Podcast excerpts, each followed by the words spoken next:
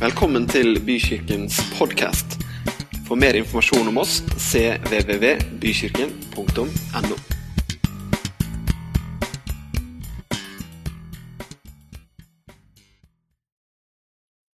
Denne uka som vi går inn i, så er temaet oppstandelsen.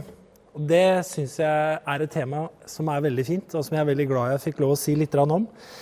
Eh, Jesus sto opp fra de døde. Oppstandelse fra de døde det, det har jeg faktisk snakka med en del mennesker opp, eh, med opp gjennom tida, fordi det er ofte der det store spørsmålet ligger. Når vi snakker om Jesus som en historisk person, så er de fleste med på at ja, Jesus har levd, han er en historisk person. Eh, han døde på et kors. Men så er det her Sto han virkelig opp fra de døde? Det er det som er den store forskjellen. Og Derfor så har temaet om oppstandelsen det har alltid vært eh, kontroversielt. Skjedde det virkelig? Er det bare en fabel? Er det en fanatisk historie, en religiøs historie, for å skape noen ting? Og meningene har vært mange om det med oppstandelse. Og det er ikke bare noe som er eh, av moderne dato, at det er kontroversielt. Det har vært omdiskutert helt fra starten av. Og allerede i den tidlige kirken så har det helt sentrale spørsmålet om Jesu oppstandelse det har vært levende. Og Paulus han skriver eh, et kapittel i det første Korinterbrevet, det 15. kapittelet, hvor han egentlig hele kapittelet diskuterer det her med Jesu oppstandelse og evigheten. Og Der skriver han bl.a. i 1. Korinterne 15 vers 12.: Men når det blir forkynt at Kristus er stått opp fra de døde, hvordan kan noen iblant dere da si at det ikke finnes noen oppstandelse fra de døde? Så det her med diskusjonen om Jesus virkelig sto opp fra de døde, det er ikke en sånn moderne liberalteologisk diskusjon. Det var en diskusjon som f.eks. var levende i kirken i Korint, helt i den første generasjonen av kristne. Og selvfølgelig, det er jo ikke bare enkelt å tro på at noen står opp fra de døde. Og Det er jo bakgrunnen for at det, at det var vanskelig og har vært vanskelige spørsmål. Og også blant de som var helt nærmest Jesus, eh, som disse i Korint, eller f.eks. enda nærmere, en av Jesu disipler, Thomas, han tvilte også på historien om at Jesus hadde stått opp fra de døde. Han blir kalt litt sånn urettferdig Thomas tvileren. Det er et kallenavn han har fått. Men han ble en stor apostel etterpå. Men han er en av de menneskene som vi møter rundt denne oppstandelseshistorien, som tviler på at det faktisk har skjedd. Så tvilen på oppstandelsen den har alltid vært der. Diskusjonen har alltid vært der. Men for Kirken så har spørsmålet om Jesus virkelig sto opp fra de døde, vært helt avgjørende. Eh, for å se litt nærmere på dette med Jesu oppstandelse skal vi ta opp tre punkter. Vi skal snakke litt om hva skjedde egentlig. Det andre punktet er hvor godt var det bevitnet? Og det tredje er hvorfor var oppstandelsen så viktig? Og Det første vi kan snakke litt om, da, som sagt, det er hva skjedde egentlig? Hvis vi skal summere litt om Jesu liv fram til han døde, så kan vi jo si at Jesus som jeg nettopp sa, er historisk sett en godt dokumentert person. Det er det veldig få som tviler på at han har levd. Eh, Jesus var i eh, På en måte så var han i opposisjon til eh, toppene i samfunnet. Han var i opposisjon Eh, ble i hvert fall oppfatta sånn eh, blant, eh, overfor det religiøse lederskapet, men også overfor det politiske lederskapet. Begge var grupper av personer som Jesus refsa og gikk i møte, gikk imot ganske mange ganger. Han var populær blant folket. Han gjorde fantastisk mye godt. Han hadde mange som fulgte etter seg, og som ville høre og se hva han gjorde. Men han ble jo ganske upopulær da, blant de han sto opp imot, nemlig de religiøse lederne. Spesielt og også politisk ledelse. Eh, han ble godt kjent, og han ble til syvende og sist på sett og vis utsatt for et eh, komplott som gjorde at han ble dømt til døden. Og han ble korsfesta på Golgata-høyden i Jerusalem. Og alt det her det skjer jo grunnleggende i full offentlighet. Altså Jesu liv etter han var 30 år, var et veldig offentlig liv. Han hadde mange mennesker som fulgte etter seg. Det han sa, var i stor grad i offentligheten. Det han gjorde, var i stor grad i offentligheten. Hans, eh, hans død var også en offentlig hendelse. Det skjedde jo på et offentlig sted osv. Så, videre.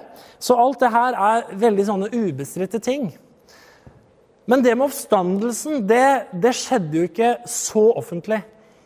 Og har blitt et punkt til diskusjon, og ble det allerede den gangen. Da Jesus dør, så hadde jo ikke familien til Jesus eh, de hadde ikke forberedt noen gravplass hvor Jesus skulle ligge.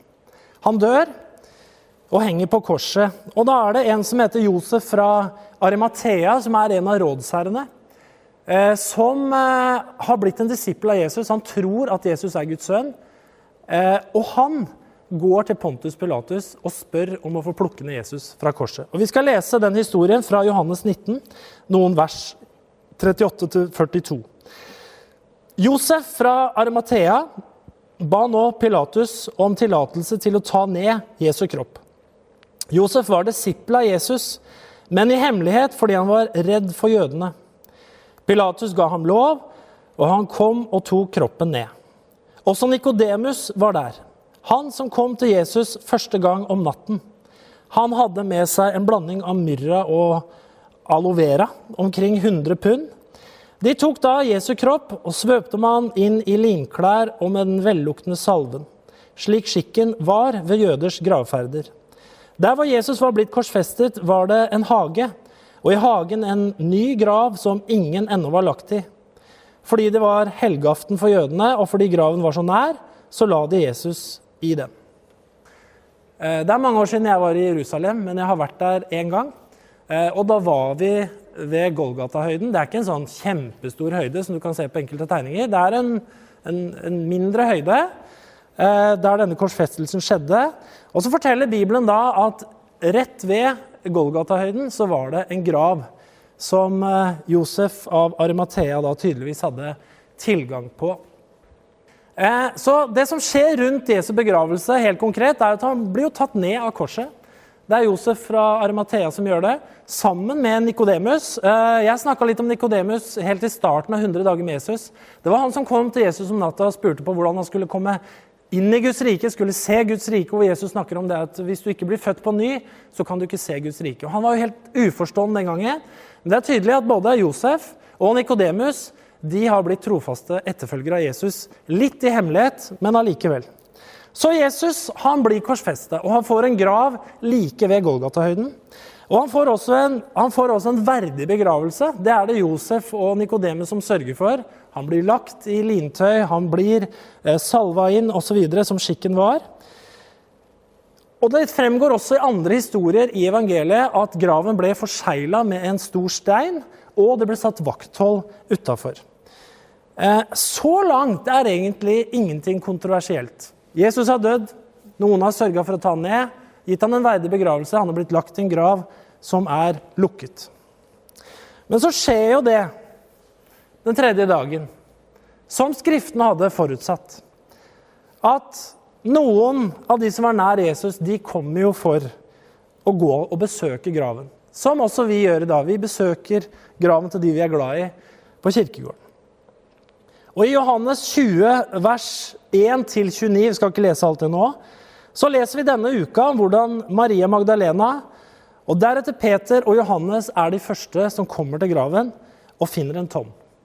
Og Det er en historie om forferdelse, om uro, om forskrekkelse og om hva har skjedd, men også et sted hvor troen blir født. Maria Magdalena hun var først. Hun var tidlig ute på morgenen kommer opp til graven og ser at steinen den er rulla vekk. Maria Magdalena går ikke inn i graven, men hun skjønner og antar at nå har noen tatt Jesus. Noen som har interesse av å gjøre det, har gjort det. Noen har fjerna Jesus. Og det står at hun visste ikke hvor de hadde lagt ham. Så hun blei veldig fortvila.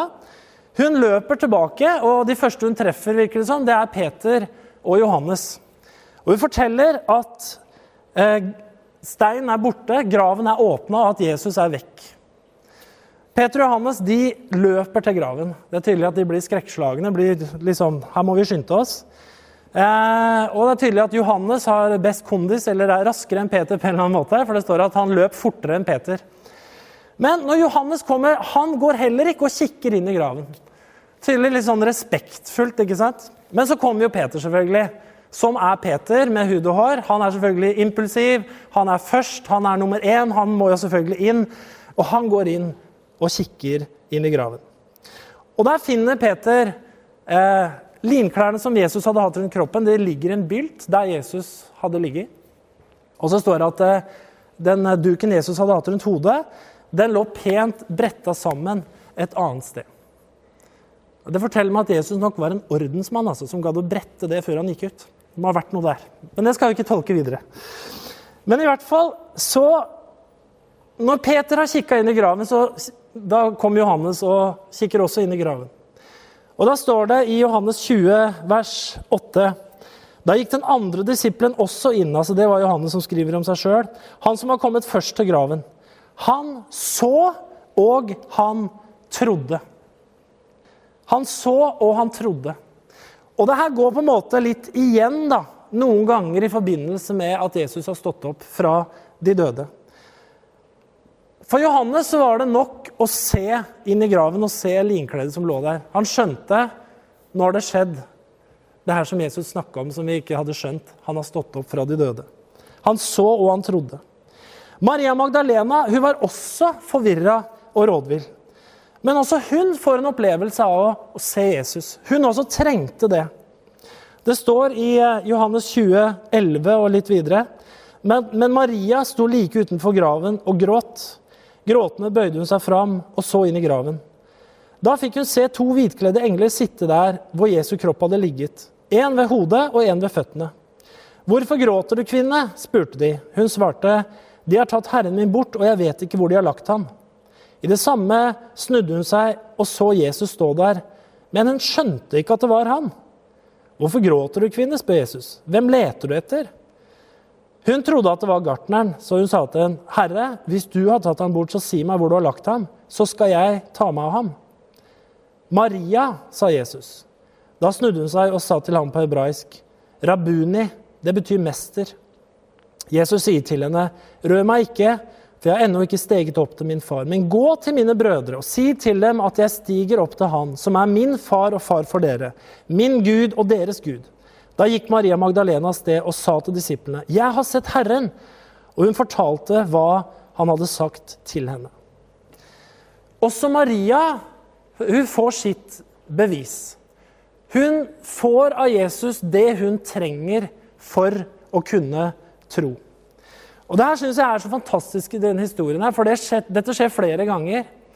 At mennesker får det de trenger for å tro. Og Det er et fint budskap, for det er også et løfte som Jesus har gitt på forhånd. Han sier nemlig i Matteus at be, så skal dere få. Let, så skal dere finne. Bank på, så skal det lukkes opp for dere. For hver den som ber, han får. Den som leter, han finner. Og for den som banker på, så lukkes det opp. Det er altså et løfte Jesus har gitt. At om du søker Han, om du søker Gud, så skal det lukkes opp for deg. Om du sitter foran skjermen nå og liksom er ja, Hvordan er det her med Jesus? Hvordan er det her med, med oppstandelse? Var han Guds sønn og alle de tingene her? Så er det et løfte også til oss i dag. Hvis du leter, hvis du søker, hvis du da billedlig talt banker på, så skal Gud åpne for deg. Og denne Historien om oppstandelsen er også en historie om at Jesus gir mennesker det de trenger for å kunne tro. Videre så er det sånn at eh, det var ikke bare noen få som så Jesus etter oppstandelsen. Paulus, som jo levde samtidig, men som på en måte får kontakt med kirken litt seinere, Eh, og blir en kjent person med veldig stor kontaktflate blant de første kristne. Han skriver i første Korinterbrev, når han diskuterer det om Jesus virkelig har stått opp fra de døde For det var en diskusjon som vi sa i starten her, om har det virkelig skjedd. Finnes det noe sånt som oppstandelse? Så skriver bl.a. Paulus følgende i 1. Eh, Korinterne 15, 3-7. For først og fremst så overga jeg til dere det jeg selv har tatt imot. At Kristus døde for våre synder etter Skriftene at han ble begravet, at han sto på den tredje dag etter Skriftene, og etter det viste seg for Kefas, deretter for de tolv. Deretter viste han seg for mer enn 500 søsken på én gang. Av dem lever de fleste ennå, men noen har sovnet inn. Deretter viste han seg for Jakob, og deretter for alle apostlene. Det skjer altså mange episoder etter oppstandelsen hvor Jesus viser seg. Ikke bare for Maria, ikke bare for Peter, ikke bare for noen disipler. Men ved et tilfelle så viser Jesus seg for over 500 mennesker på én gang. Eh, og det her tror jeg var helt bevisst at Jesus gjorde, fordi hadde det vært et par stykker som hadde sett den, så kunne det veldig lett blitt trukket i tvil. Men en gruppe på 500 mennesker, mer enn 500 mennesker, det er mange som samtidig ser og opplever at der er Jesus. Han har faktisk stått opp fra de døde. Så historisk sett så blir det her bekrefta av veldig mange. Svært mange. Noe som selvfølgelig gjorde det enklere å tro. Og det er veldig sannsynlig å tenke at noe av det som gjorde at så mange tok imot frelsen eh, når Peter talte for første gang på pinsedag, det må ha vært denne historien som da hadde løpt foran, hvor så mange mennesker faktisk hadde sett Jesus i live etter at han hadde dødd offentlig på Golgata. Og det er, ikke, det er jo ikke så lett å tro uten å se. En av dem som tvilte sterkt på oppstandelseshistorien, det var en av Jesu disipler som het Thomas.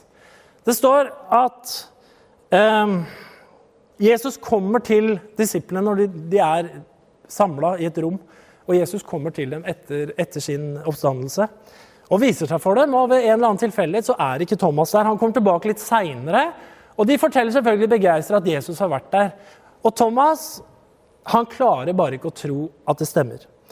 Eh, og han sier i Johannes 2025 at dersom ikke jeg får se naglemerkene i hendene hans og får legge fingeren i dem og stikke hånden i siden hans altså Det var der hvor den soldaten hadde stikket spydet inn i Jesus. Eh, så kan jeg ikke tro.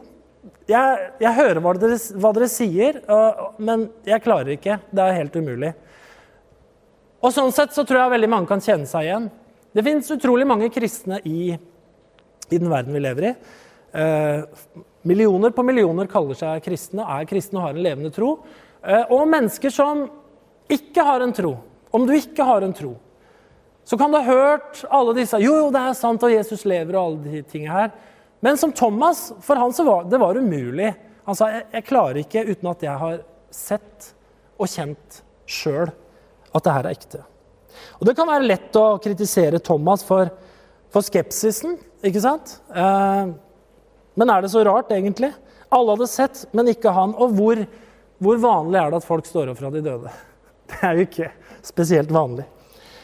Eh, men igjen, da, så er disiplene samla. Thomas har liksom ikke stikket av fra gjengen. Han henger fortsatt med disiplene. Det er fortsatt hans folk.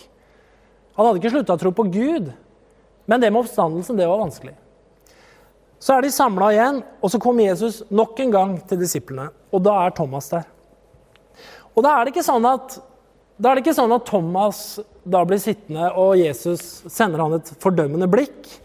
Eh, og det er heller ikke sånn at Jesus på en måte fordømmer Thomas fordi han har sagt at 'jeg må kjenne og se' altså, før jeg kan tro.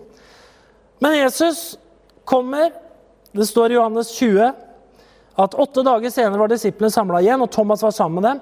Da kom Jesus mens dørene var lukket. Han sto midt iblant dem og sa, 'Fred være med dere.' Så sier han til Thomas Han sier altså ikke 'Hvorfor ville du ikke tro?' og hørte ikke hva de andre sa. Han sier, 'Thomas, kom hit med fingeren din. Her er hendene mine.' 'Kom med hånden og stikk den i siden min.' 'Vær ikke vantro, men troende.' 'Min Herre og min Gud', sa Thomas. Jesus sier til ham, fordi du har sett, så tror du. Men salig er de som ser og likevel tror. Thomas fikk ikke noe behov for å kjenne inn.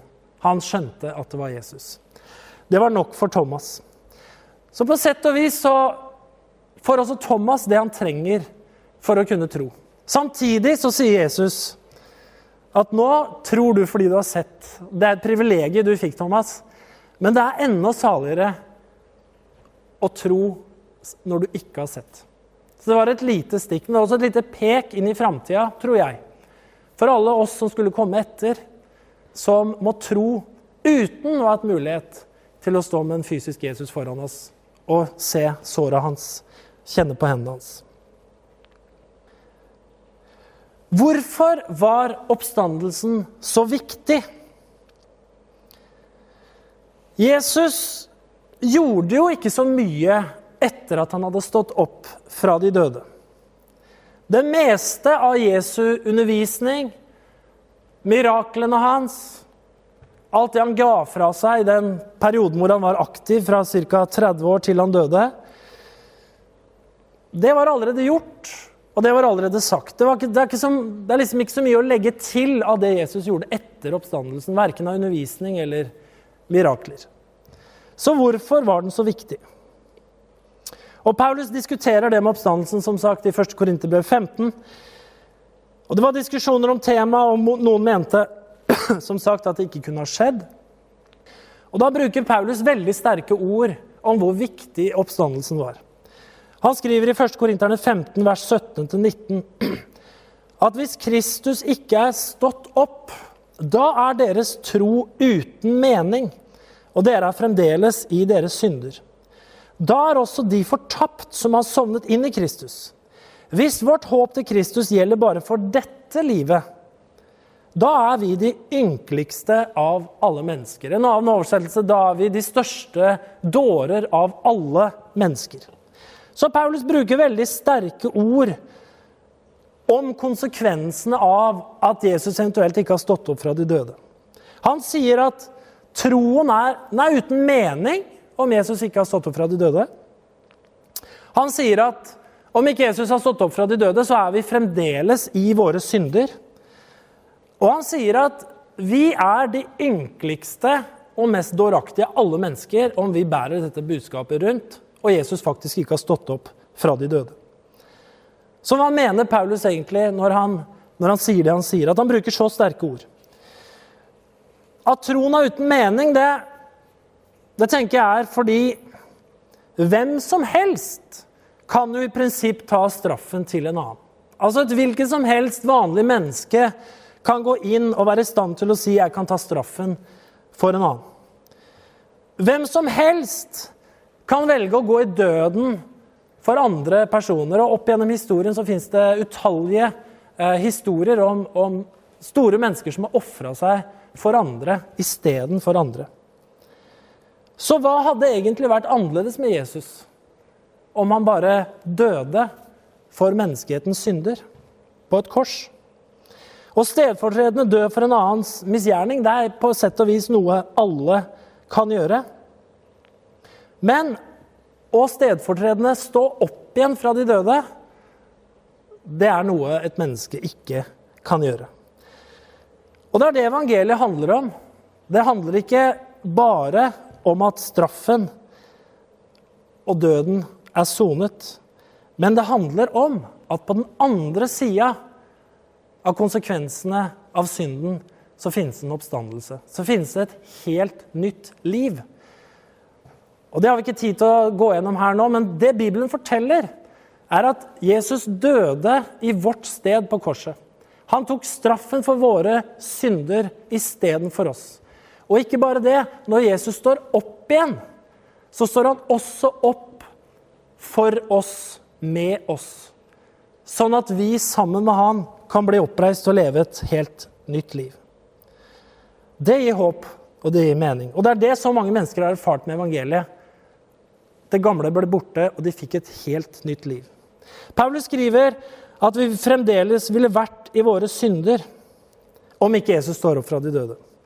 Om ikke døden ble beseira med en oppstandelse, så var altså syndens konsekvenser fortsatt en evig tilstand. Hvis døden var slutten, så var det jo, var det, jo det som vant, da. Ikke sant? Men han sto opp igjen og beseira døden. Han, straffen blei sona ferdig, sånn at man kunne komme fri og få et nytt liv. Hadde ikke Jesus stått opp igjen, så hadde det vært en evig død og en evig straff. Men sånn ble det ikke. Og det ville vært Vi ville fremdeles levd i konsekvensene av våre synder. Paulus sier altså om ikke Jesus hadde stått opp fra de døde, så er vi de ynkeligste alle mennesker. Og uten oppstandelsen så hadde ikke Jesus vært noe mer enn alle andre fantastiske mennesker som har levd på jorda. Han hadde vært en åndelig kraft, han hadde vært en fantastisk lærer og filosof. Han hadde vært en mirakelgjører, han hadde vært en velgjører. Men det er det mange mennesker som har vært gjennom historien. Da han døde, så hadde han bare etterlatt seg et historisk, eller historiske øyeblikk i en bestemt epoke. Men når han var død, så ville han jo vært borte, selvfølgelig. Og det å forkynne at en død person kan frelse deg, kan hjelpe deg, og at du skal be til han, det er dumt. Det er veldig dumt. Det er et håpløst budskap. Og det er det Paulus snakker om, at det at vi forkynner frelse gjennom Jesus Kristus hvis han faktisk fortsatt er død, det er jo meningsløst. Det er først når vi kan snakke om en som lever, at håpet gir mening. Det er først da vi kan snakke om en som kan frelse deg. Det er først da vi kan snakke om en som kan redde deg og få deg videre. En du kan be til. Vi har dåpen. Og i dåpen så blir dette budskapet gjentatt. Dåpen er et bilde på begravelsen med Kristus og oppstandelsen med Kristus. Og Derfor så sier vi her i Bykirken og i mange mange andre kirker så sier vi, når vi døper noen, så sier vi 'begravet med Kristus' og 'oppreist med Kristus' for å leve et helt nytt liv. Og så er det her med tro, da. Det er egentlig så utrolig enkelt. For det handler om oppstandelsen. Jeg har snakka som sagt, som jeg begynte med, med mange mennesker opp igjennom det her med Hvorfor tror du på Gud? Og da peker jeg alltid på Jesus. Og jeg pleier ofte å spørre folk jeg snakker med, også i den samtalen. Ja, men Jesus, tror du at han har levd? Tror du at han er en historisk person? Og jeg har ennå ikke møtt noen som har sagt nei. Da er spørsmålet, sier jeg, det som skjedde i påsken. For hvis han var Guds sønn, da er det sant at han sto opp fra de døde. Hvis han ikke var Guds sønn, så et vanlig menneske, da ville han fortsatt vært død i en grav. Jeg tror at Jesus sto opp fra de døde. Derfor så var han Guds sønn. Derfor så tok han mine synder, derfor så tok han dine synder på seg. Og da koker det ned til det enkle som Paulus skriver om i Romerbrevet kapittel 10, vers 9 og 10. For hvis du med din munn bekjenner at Jesus er Herre, og i ditt hjerte tror at Gud har oppreist ham fra de døde, da skal du bli frelst. For med hjertet så tror vi til rettferdighet, og med munnen så bekjenner vi så vi kan bli frelst. Og så enkelt er det. Det er her alt starter i forhold til tro. Tror vi at Jesus ikke bare døde, ikke bare at han var en historisk person, men at han faktisk sto opp igjen på den tredje dag. At han viste seg for mer enn 500 mennesker på en gang. At han viste seg og snakka med alle de menneskene som vi leser om. Ja, Hvis vi tror det i vårt hjerte, og samtidig forteller det og bekjenner det overfor de vi er rundt oss, da sier Bibelen at da skal du bli frelst. Da har du en Og kanskje du er ved kamera, eller ved skjermen, mener jeg, og du har de spørsmåla her. Og da, da, vil jeg også at du skal ta med deg det som denne lille gjennomgangen jeg har gitt deg, viser. Nemlig at Maria, som trengte noe for å kunne tro, hun fikk det. Thomas, som trengte noe for å kunne tro, han fikk det. Johannes, som trengte noe for å tro, han fikk det. Og alt går ut fra Jesu løfte om at om du banker på, om du søker, så skal Gud komme deg i møte. Det begynner med en bønn ifra deg. Og det er budskapet om oppstandelsen. Et fantastisk budskap om at det fins et nytt liv på andre sida. Amen.